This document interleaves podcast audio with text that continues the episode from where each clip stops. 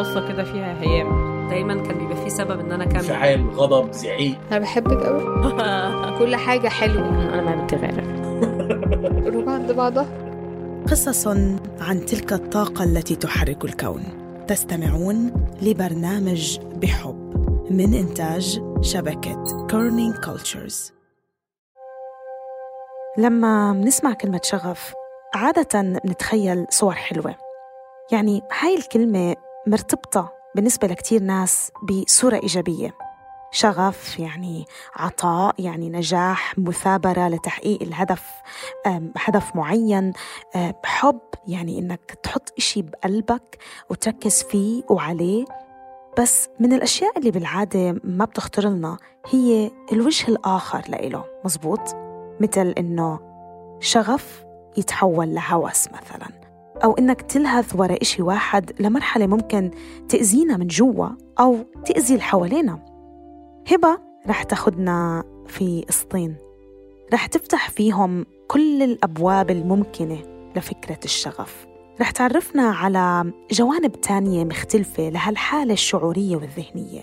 يمكن رح تحسوا شوي إنكم عم تسمعوا قسطين ما بيشبهوا كتير بعض بالأول بس لما تتعمقوا أكتر بالسمع وبالتفكير رح تكتشفوا الصورة وألوانها وحدودها كلها رح توضح لإلكم. بترككم مع هبة عفيفي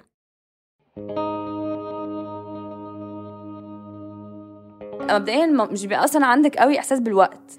إن بتفصلي كده من العالم بتاع ال- الوقت وال- والزمن وبتخشي في عالم تاني كده عالم جوه دماغك. فأنا كنت قاعدة كنت مبسوطة قوي. وفجأة ابتديت أحس إن أنا بحلم. وقاعدة ببص كده عمالة أتفرج على الألوان فاتحة عيني تحت المية وشايفة كده كأنه في حلم. عماله أقول يا ربي هو أنا أغمى عليا؟ لا الإحساس بيسحبك. فأنا لما ساعتها لما كتمت نفسي كان أكتر حاجة عملتها في حياتي يعني كانت خمس دقايق و13 ثانية. دي رغدة عز الدين صاحبة أربع أرقام قياسية على مستوى مصر في رياضة الغوص الحر. كانت بتحكي لي على أحلى غطسة في حياتها. حلقة النهاردة عن النفس الهادي وضربات القلب البطيئة عن الشغف من غير أدرينالين والطموح اللي ناره هادية. مش فاهمين قوي قصدي صح؟ طب عايزة أحكي لكم قصة كمان. طول عمري علاقتي مع الشغف والطموح معقدة ومتعبة شوية. وأنا صغيرة كنت لما بحب حاجة برمي نفسي فيها بكل حاجة عندي بمعنى الكلمة وأحس كأني لو ما بقتش كويسة فيها حياتي ملهاش معنى. فعلا بالدرامية دي.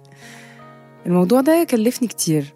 وخلاني في النهاية اضطريت أبطل حاجات كتير كنت بحبها بعد ما الضغط والتوتر غطى على الجوانب الحلوة اللي فيها. مع دخولي التلاتينات بقيت بخاف قوي من الشغف. عارفين لما تبقوا مثلا شغالين في مشروع وفجأة تيجي لحظة إلهام كده وتحسوا إن النتيجة هتطلع حلوة قوي ودقات قلبكم تزيد والأدرينالين يعلى؟ كنت بحب قوي الإحساس ده زمان. بس دلوقتي أول ما أحس بيه بوقف اللي بعمله وهدي نفسي وأفضل أحاول أقلل حماستي للموضوع. بقيت على طول زي ما أكون شادة نفسي بسرج كده لورا زي الحصان. كل ما أبدأ أتحمس وأجري ورا حاجة ألاقي حاجة بتثبتني مكاني. إيه علاقة ده بال free diving؟ خليني أحكي لكم شوية عن طبيعة الرياضة دي. الناس بتبقى فاكرة ال free diving ساعات الناس بتفتكرها extreme sport إن هي رياضة خطر أو رياضة فيها اكشن هي رياضة ما فيهاش اكشن خالص انت بالعكس انت بتحاولي على قد ما تقدري تبقي ترخي جسمك على الآخر و... وتخلي كل عضلاتك مش tense وتقعدي كده تتحركي رقبتك تفكيها و... بحيث إن انت تبقي ريلاكس على قد ما تقدري عشان نبضات قلبك حتى تبقى تبقى بطيئة. هو ده المختلف فيها إنك انت الإنجاز في الرياضة دي إنك تعملي أقل حاجة ممكنة. وفكرتها يعني هي ال- اللي انت بتقوليه ده هي كمان صعوبتها لأن انت بتحاولي من غير ما تكوني تحاولي. يعني إنك تع- تعملي حاجة مجهود من غير ما تحطي مجهود. فانت هي دي ال equation أو ال- الحسبة. إن إزاي أعمل حاجة بإن أنا أحط أقل مجهود فيها عشان أعملها. ال free diving بتصنف ك extreme sport أو رياضة إثارة لأن فيها تحدي لحدود قدرة الجسم وفيها كمان نسبة خطر. يعني اللي بيلعبها محتاج طبعا نسبة التزام كبيرة وشوية هوس كمان. بس في نفس الوقت طبيعة اللعبة ما تسمحش إن الجسم يعمل رد الفعل الطبيعي للحماس بإنه يفرز أدرينالين ودقات القلب تعلى والنفس يبقى سريع. لأن ببساطة استحالة تعرف تعملها غير وإنت في أقصى درجات الاسترخاء والهدوء. وكل فكرة بتمر براسك وشعور بتحس بيه ممكن يأثر أو يطول الفترة اللي عارف تقعدها تحت المية. عشان كده قررت إني لو نفسي أعرف أرجع أحس بالشغف والحماسة الطفولية تجاه شغلي أو الحاجات اللي بحب أعملها أو حتى الناس اللي بحبها. بس الشغف ده ما يسيطرش عليا ويبقى مؤذي. لازم أتعلم free diving وأعرف أبطاله بيوصلوا للمعادلة دي إزاي.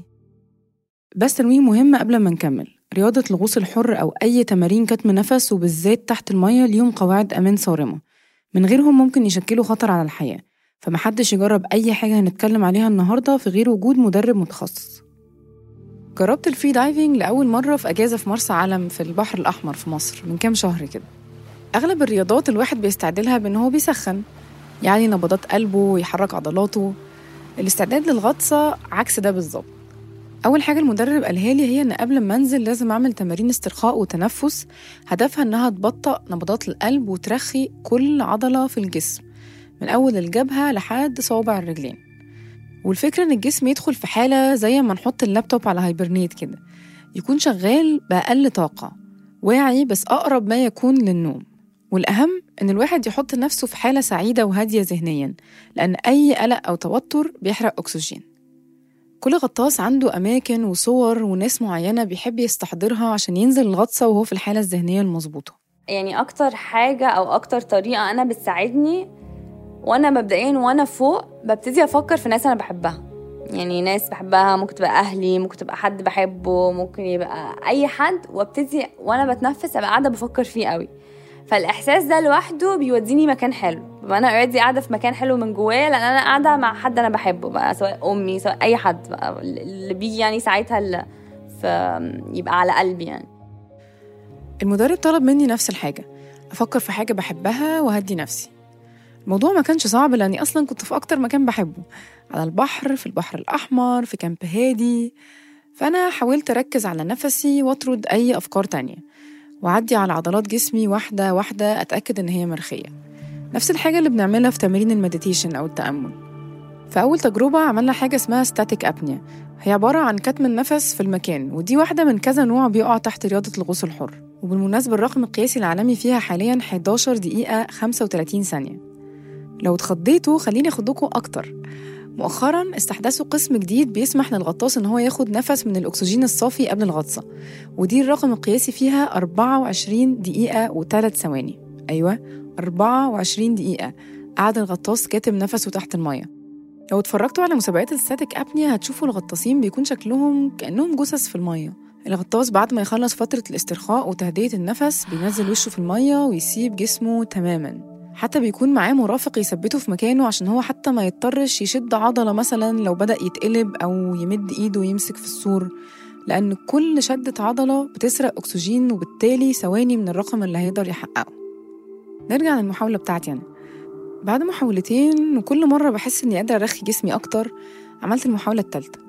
وحسيت فيها حاجة شبه اللي رغدة حكيتها في أول الحلقة. أول ما رميت نفسي في المية وكتمت نفسي حسيت إني قدرت فعلا أرخي كل عضلة في جسمي. قلت أنا لازم أشغل دماغي بحاجة عشان ما أسرحش وأبدأ أفكر وأحرق أكسجين أو أحس إني عايزة أطلع. بدأت أغني لنفسي أغنية نحن والقمر جيران لفيروز. هي اللي جت على دماغي كده في ساعتها. وقعدت أحاول أسرح مع الأغنية والبحر اللي أنا فيه وأفكر في العمق الأزرق المفتوح والسمك اللي شفته في الأيام اللي فاتت ألوانه حركته البطيئة. رغدة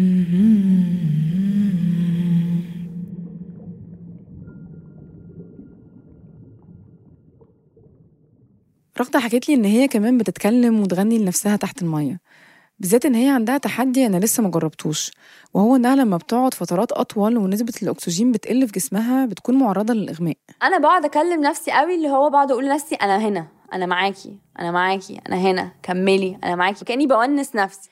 فإن انت عشان تبقي متأكدة إن انت الإجهاد ده ما يخليكيش يغمى عليكي ولا حاجة لازم تبقي قاعدة مفوقة نفسك بس من غير ما ما تضغطي برضو على نفسك. يعني مش يا لهوي يلا بسرعة لا لا لازم تبقي ريلاكس هو كملي. أنا هنا يلا سامعة صوتي. بيبقى حوار داخلي قوي قوي قوي قوي قوي يعني. في مثلا أغنية بحبها قوي هي tune ما فيهاش ما فيهاش كلام. اسمها The Finishing بسمعها هي تسع دقايق. بسمعها usually قبل ال- قبل الغطسة يعني. وساعات بتيجي في دماغي برضه فبكون كأني برقص عليها يعني بقعد أركز فيها وأقعد كأني بتحرك عليها. روحي حتة بتحبيها يعني روحي حتة بتحبيها روحي مكان بتحبيه ما تروحيش مكان انت خايفة منه. هو ده اللي شدني للرياضة دي. حاسة إن الواحد بيتعلم فيها يبقى حنين مع نفسه. حتى وهو بيعمل حاجة صعبة أو بيتحدى نفسه أو بيزق جسمه لأبعد حدود قدراته.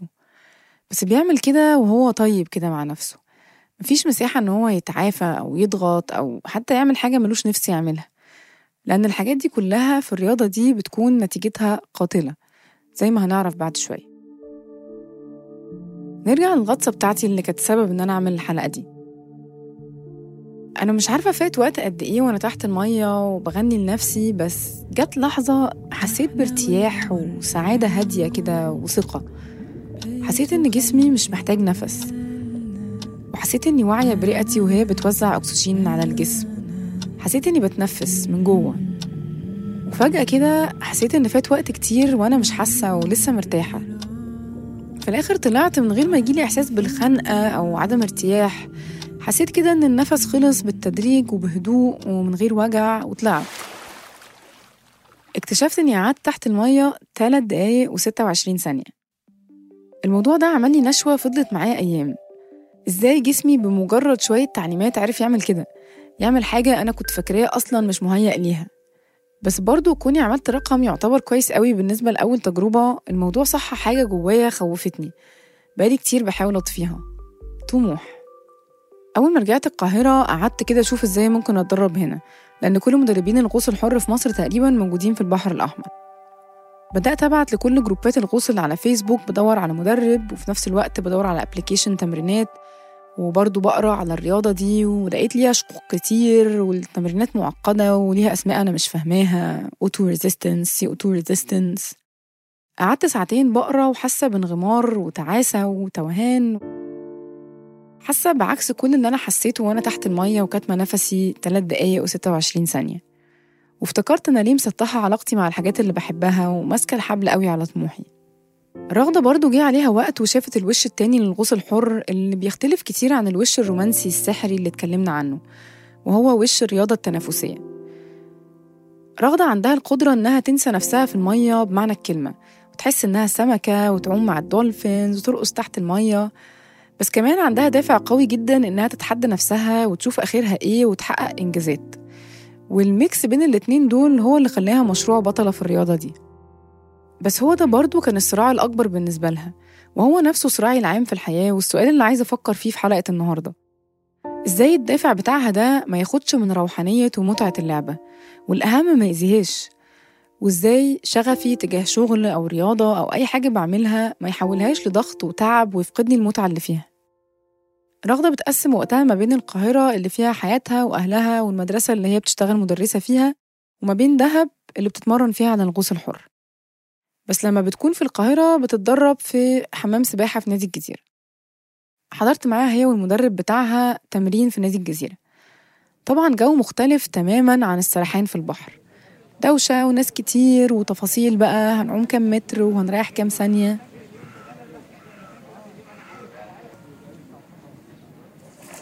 بس قبل لما هي تبدأ تبقى بتعمل أرقام يعني إيه اللي إيه اللي فيها حسسك إن دي هتبقى free diver شاطرة يعني؟ يعني إيه إيه المطلوب من free هي كانت بتحب قوي المية.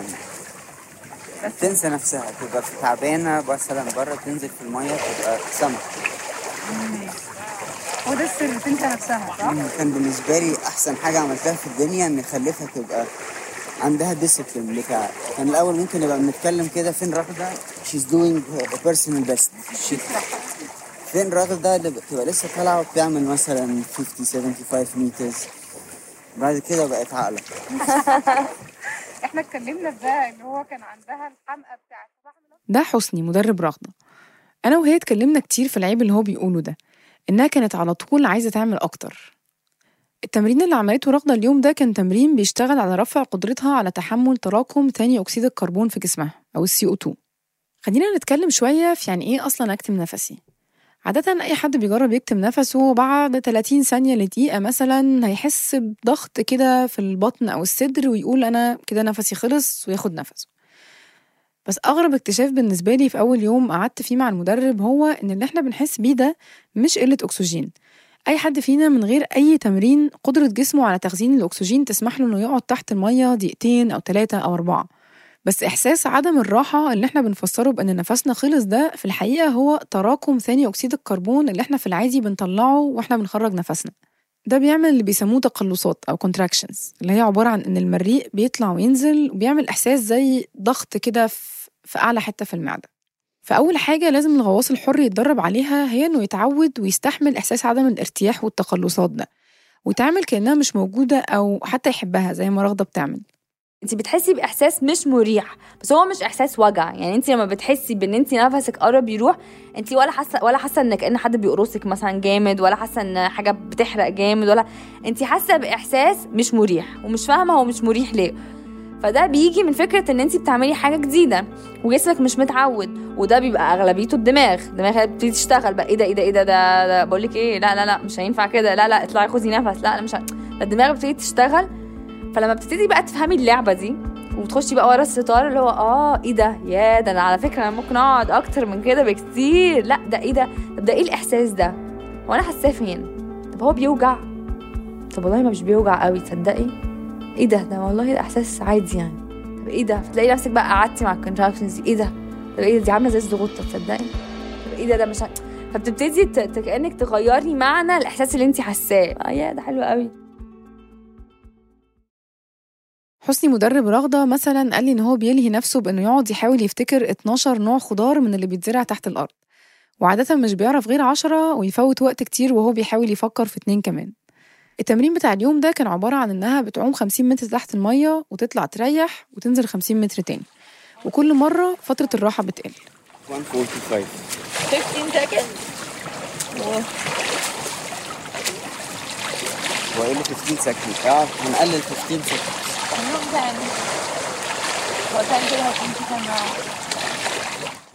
مع كل مرة كان تراكم ثاني أكسيد الكربون أو ال CO 2 عند رغدة بيعلى وبتطلع حاسة بنقص الأكسجين أكتر.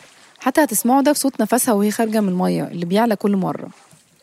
أول تمرينة تقريبا صوت النفس مش مسموع.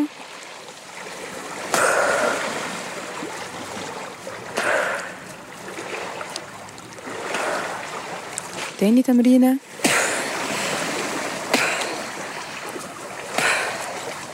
10 سكند تامن تمرينة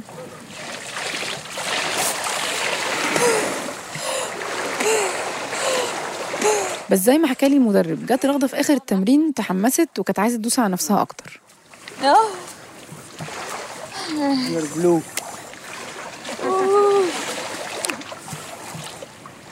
خلاص ولا اعمل حاجة كمان. ما اعمل ما جربتش أعمل PB أو يعني PB أعمل 70 75 أكيد لأ بعد ال CO 2 عايزة تعملي عايزة أعمل PB إزاي؟ 75 رايح جاي رايح جاي next time ماشي. fine على فكرة في سبب علمي لأن غطاسين كتير بينسوا نفسهم وينزلوا عمق أكتر من اللازم ويعرضوا نفسهم للموت. وللأسف بتحصل حوادث وفاة كتير فعلا. لما نسبة الأكسجين بتقل في الجسم أو نسبة ثاني أكسيد الكربون بتعلى أو في حالة الغطس باستخدام tank هواء نسبة النيتروجين بتعلى بعد فترة. أي اختلال في ميزان الجسم من دول بيخلي الواحد حاسس كأنه شوية متخدر أو وعيه مختل يعني كأنه شارب حاجة مثلا. فجسمك بيسيب كده شوية وتبقى يعني الدماغ بحسها أكتر بعد ما بطلع باخد نفس لما باخد أول نفس ده بحس Actually, she's a sort of narcotic now. آه أنا حاسه على الدماغ شوية ميرسي أنا شايفة برضو أنت جزء من دورك معاها إنك أنت بتهديها ان هي شكل التندنسي بتاعتها is to overdo. فأنت في لحظة أنت لازم تقول لها لا أنت خلاص كده لازم. Because it's very dangerous sports. بس if it is done right it is safe. But still it is very very dangerous. أي لعبة تانية ممكن تتكسري تتمزقي بتاع. This you can easily die. الواحد لو ضغط على نفسه زيادة في الشغل مثلا ممكن يتعب أو يفقد الشغف. لو في الرياضة ممكن يتصاب. لكن في ال free diving فقدان التقدير لقدرات الواحد واحترامها ولو لثواني ممكن يؤدي للموت. بصي أنا حصل موقف ربنا ستر الحمد لله الحمد لله إن أنا عشت منه يعني. أنا ساعتها كنت بغطس ل لحاجة وأربعين وكنت عايزة أجيب خمسين. ده بقى الإيجو بقى بحت. عايزة أجيب خمسين. أنا عايزة أجيب الخمسين وتصرفوا فكنا في الجونة وأخدنا مركب جوه البحر. فأنا خليت الراجل المركب يوقفنا في حتة أول ما شايف على العداد قدامه إن تحتيه في 50 متر. وقف نزل الحبل و...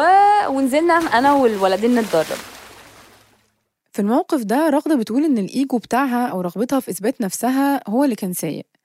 بالذات إنها كانت لسه كسر أرقام قياسية وده خلاها متحمسة تشوف ممكن تعمل إيه تاني. أول قرار غلط عملته في الغطسة دي إنها عملتها في وسط البحر. المفروض تمارين وبطولات الغوص الحر بتكون في حمام سباحة أو قريب من الشط عشان الغواصين ما يتفاجئوش بوجود قروش أو كائنات بحرية تانية وعشان كمان لو احتاجوا مساعدة طبية يكون نقلهم سهل وسريع. تاني حاجة إنها قعدت ساعة ونص بتدرب اتنين أصحابها كانوا معاها تنزل معاهم 20 متر وتطلع. وبعد لما كان جسمها بالفعل أنهك قررت إنها تجرب تجيب عمق هي عمرها ما عملته قبل كده. تالت حاجة إنها ما ربطتش نفسها بالحبل اللي هي بترميه في المية وبتنزل جنبه. وده إجراء أمان مهم عشان أي حد يقدر يسحبها من تحت المية لو فقدت الوعي. رابع حاجة إنها أخدت وزن زيادة عشان تنزل بسرعة. وطبعا ده هيخلي طلوعها أصعب. يعني نقدر نقول إن الغطسة دي كانت كارثة مستنية إن هي تحصل. طبعا أنا تجربتي مع الانجراف ورا الشغف عمرها ما وصلتني لأن حياتي تكون في خطر لأن عمري ما جربتها في حاجة زي دي. بس فكرة إن الواحد يبدأ يجري ورا طموح أو إحساس بالتحقق هو ضايقه ومش عايزه يروح منه لحد لما يأذي نفسه دي حاجة أنا أقدر أحس بيها قوي عايزة أخدكم معايا لورا شوية. الصحافة كانت حلم حياتي وأول ما بدأت شغل فيها من عشر سنين ما كنتش مصدقة إن أنا فعلا بقيت صحفية. موجودة في قلب الأحداث المهمة وبوصل للناس إيه اللي بيحصل وبكتب وحلل وأعبر عن أفكاري. كنت بقعد في المكتب كل يوم بين 10 و 12 ساعة سواء في شغل أو مفيش والصراحة أغلب اليوم ما كنتش بشتغل. بس ما كانش عندي رغبة أعمل أي حاجة تانية أو أقابل حتى ناس غير اللي بيشتغلوا معايا. كنت مستكفية بإحساس التحقق والزمالة اللي في الشغل. عشان كده كنت لما أبقى مش عارفة أشتغل كويس حياتي كلها بتقف. بكتئب وما يبقاش عندي طاقة ومش عايزة أعمل حاجة تانية. رغم كل التفاني ده أو الحقيقة بسببه زي ما اكتشفت بعد كده قعدت عشر سنين في دايرة لا تنتهي. فترة بشتغل شغل هايل قدرة عالية على الإبداع إنتاج غزير أفكار مش بتخلص وبعدين فترة وقوع كامل انعدام كامل للحماس وقدرة على التركيز وإنتاجية قريبة من الصفر. المهم نرجع للغطسة الكارثية بتاعت رغدة نزلت زي الصاروخ. ما أنا بقى معايا كام وزن إزاي مش عارفة أخدت كيلو ولا كيلو ونص زيادة ومتحمسة وإحنا في نص البحر فأنا أصلا أصلا أي وقت ممكن أبص في أي حتة ممكن ألاقي حاجة قدامي فاهمة؟ فأنا كمان قاعدة بفكر في الحاجات دي. فطبعا لأ نبضات قلبي عالية وقاعدة في اكشن بقى بتحصل فاهمة؟ وبقع زي الزلطة يعني بقع بسرعة قوي.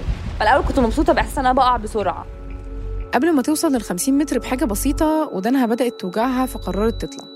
وساعتها عرفت إن في مشكلة.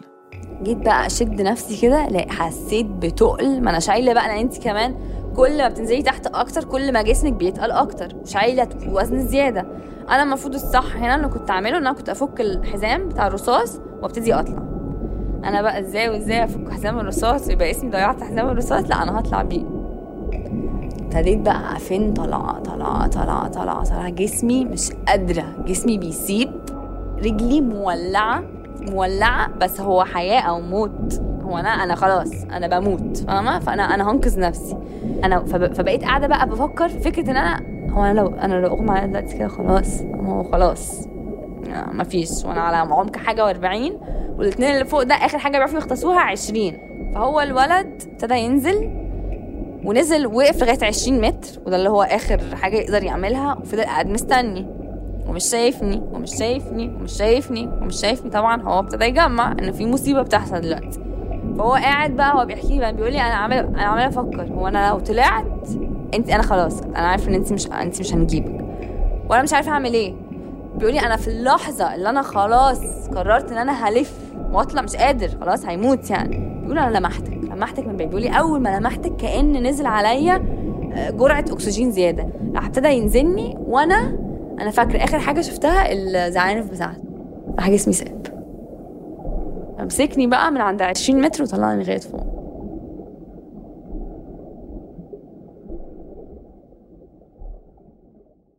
رغدة لما دخلت في جو المسابقات وتحقيق الأرقام فضلت فترة بتتصرف كده بتزق جسمها أكتر من قدرته وحصل لها كذا حادثة كمان غير اللي حكت لنا عليها. اتفرجت معاها على فيديو ليها في أول مسابقة نزلتها. كانت في مسابقة النزول لعمق باستخدام الزعانف ودي عبارة عن إنها بتنزل بمحاذاة حبل لحد عمق معين وتطلع تاني.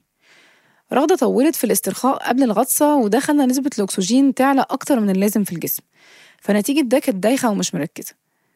هي أدركت قبل ما تنزل بس قررت تكمل وهي حاسة إنها مش مظبوطة. انت حتى لو شفتي في الفيديو هتشوفي إن أنا أتص... يعني بعد وقت معين بتح... ب... بعمل بايدي وبرجلي وكأني ما بتحركش. يعني هو ال... اللي واقف جنبي اللي هو بتاع ال... ال... السيفتي واقف جنبي عمال يبص فوق ويبص لي وأنا قاعدة كأني بتحرك في مكاني مش بتحرك. فاول ما طلعت بقى خالص لمست البتاع رحت أغمى عليا. وفي آخر مسابقة كانت بتتدرب لها من حوالي سنة ونص؟ بقالي كتير قوي ما اتدربتش. ف 30 متر كانت كتير على إن أنا بقالي كتير ما اتدربتش. بس أنا قلت لأ أنا مش عايزة أحط حاجة و20 حاجة و20 شكلها مش حلو. عايزة أحط 30 30 شكله رقم كده محترم. فده purely ego ف ونزلت وأنا بتدرب ما كنتش حاسة نفسي comfortable وكان المسابقة بعديها بيومين وكنت بدوس على نفسي ودوست على نفسي مرة. واتنين لغاية ما طلعت حصل لي حاجة اسمها squeeze كنت بتف دم. حصل لي إصابة. كنت الحمد لله ما كانتش إصابة في الرئة. بس إصابة هنا كده في حتة في الحنجرة بيحصل بسبب الضغط والدم ال- بتتعوري بقى من جوه. فطلعت قعدت أكح دم. فدي كانت بالنسبة لي أكبر فاهمة warning sign اللي هو انت لو هتنزلي تتسابقي عشان تثبتي لرغدة رغدة تنزليش تسابقي أحسن. تجربتي في أول سنين شغل ليا سابتني بنفس التساؤلات دي. هو أنا بعمل الحاجة ليه؟ وتأثيرها عليا إيه؟ على مرور السنين بدأت فترات الوقوع تبقى أطول وفترات الإنتاج تبعد عن بعض. وفي واحدة من آخر مقابلاتي مع مديرتي اللي هي كمان من أقرب صحابي انهارت من العياط. وهي كمان عيطت معايا. قعدت أقول لها أنا مش عارفة مش عارفة أفكر مش عارفة أكتب مش عارفة خلاص أعمل الشغلانة دي. سبت الشغل وقعدت سنة بتعافى من آثار الإرهاق اللي تراكم في العشر سنين دول. وبقى عندي فوبيا من الشغف زي ما حكيت لكم في أول الحلقة. رغدة بعد اللي حصل ده قررت برضو تاخد خطوة لورا. وبعدت فترة طويلة عن المسابقات. وبدأت تركز إنها ترجع تستمتع وتعيش مع المية من غير حسابات وطموح وأي حاجة تانية. واتجهت للرقص التعبيري تحت المية. أخدت كورسات رقص وبدأت تجرب كده تنزل تحت المية وتشوف هي عايزة تتحرك إزاي وتمشي ورا إحساسها. بعد كده بدأت تطلع رحلات free diving بس مش بتمرن الناس على تقنيات الرياضة أو إزاي يقعدوا فترة أطول تحت المية والكلام ده. هي بتخلق مساحة ليهم ينزلوا يستمتعوا تحت المية. يمسكوا طوبة ويطلعوا يجروا بيها يرقصوا زي ما هي بتعمل يسرحوا مع السمك. بقى تركيزها كله على الروحانية والتواصل وحب الذات. اتفرجت على الفيديوهات اللي رغدة بتعملها وهي بترقص تحت المية وبتركب معاها مزيكا. بتكون لابسة فساتين واسعة وسايبة شعرها وبتتحرك بشكل عفوي وكله حرية. حاجة تانية خالص طبعا. حاجة تانية خالص. الرقصة بتبقى بتبقى لعب فاهمة؟ ببقى نازلة بلعب وبحس نفسي صغيرة بحس نفسي كأني رجعت أنا اللي عندي سبع سنين. ببقى عايزة اللي هو إيه ده؟ الله بصي الصخرة دي. يلا انزلي جيبيها. إيه ده؟ طب تعالي بقى ناخدها وننزل جد تفكير عيالي قوي فبتبقى لذيذة بتبقى لعبة كده من أولها لآخرها. ورجعت لشغفها الأول في المية والسبب اللي دخلها في سكة ال free diving تبقي تحت المية مش سامعة أي حاجة إلا نبضات قلبك. دي أنا بتعمل لي حاجة. إحساس إن أنا سامعة صوت الحياة.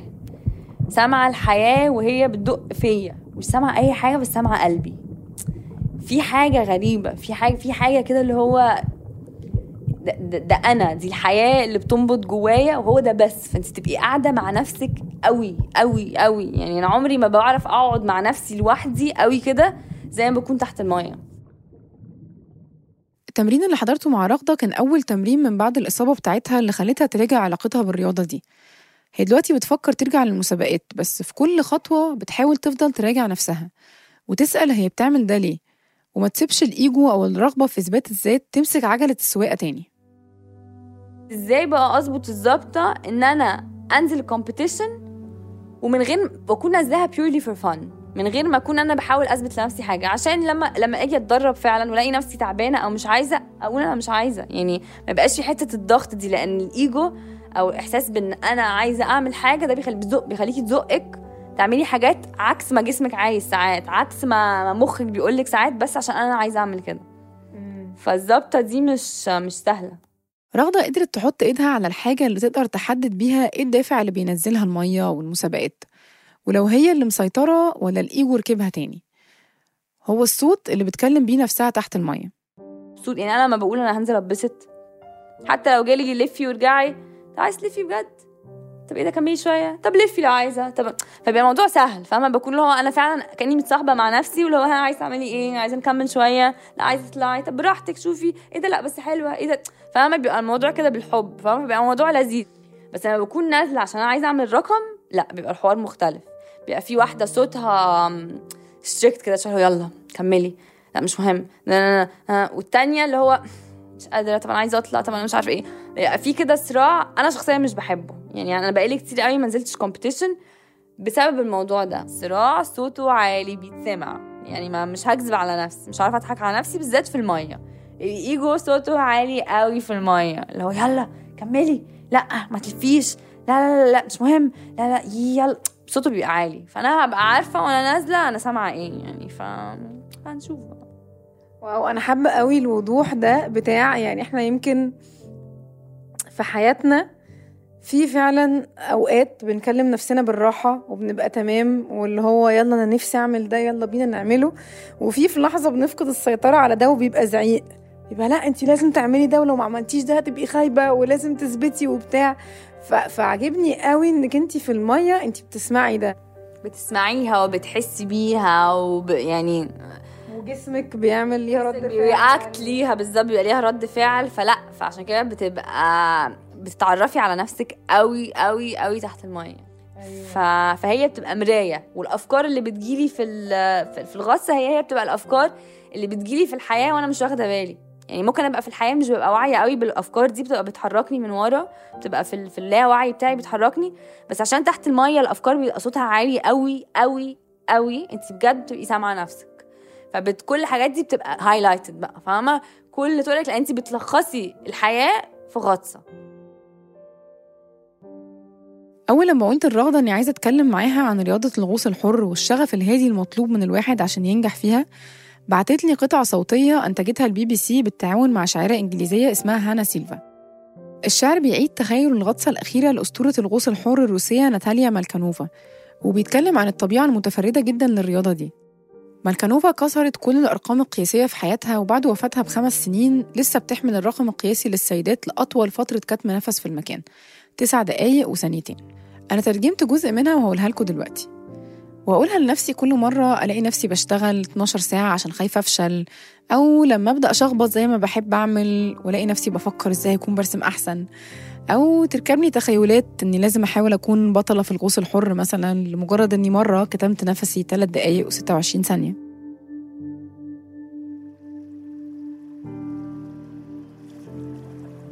إذا ما كنتش قادر تنسى تماما مدينة أتلانتس عمرك ما هتكمل رحلتك. عشان نقوم بالغطسة المثالية. لازم نتخلى عن احتياجنا للنجاح. إزاي نتنافس من غير ما نحس بالتنافسية؟ كل لما رغبتك في تحقيق شيء تكبر كل ما هيندفع الأدرينالين في جسمك ضربات قلبك هتعلى عضلاتك هتتشد استجابة الكر والفر. المحيط مش مكان للمشاعر والطموح. عشان نغطس لازم ننسى صخب السطح. إزاي نقدر نعمل كده؟ تخيل شاشة شفافة قدامك. كل حاجة بتدور في دماغك حطها على الشاشة. أهلك أصدقائك حبيبك القط بتاعك البغبغان فاتورة الغاز الواجب طفلك رسائل الحب صور العيلة الباسمة ورق الطلاق الفواتير. دلوقتي وقف حركة عينيك التلقائية بالتركيز على سطح الشاشة بس. ما تتمسكش بأي حاجة فيها. أنت مش بتنفصل عن الواقع بس هو إحساس غريب. لازم تتخلى عن كل شيء. الشارع المحادثات الضحك الأطفال مشروبات آخر الليل أخبار الصبح. بتفقد إحساسك بالوقت. نفسك بيبطأ. لازم تتجاهل كل صخب السطح. تجاهل كل صخب السطح. تجاهل السطح. تجاهل السطح.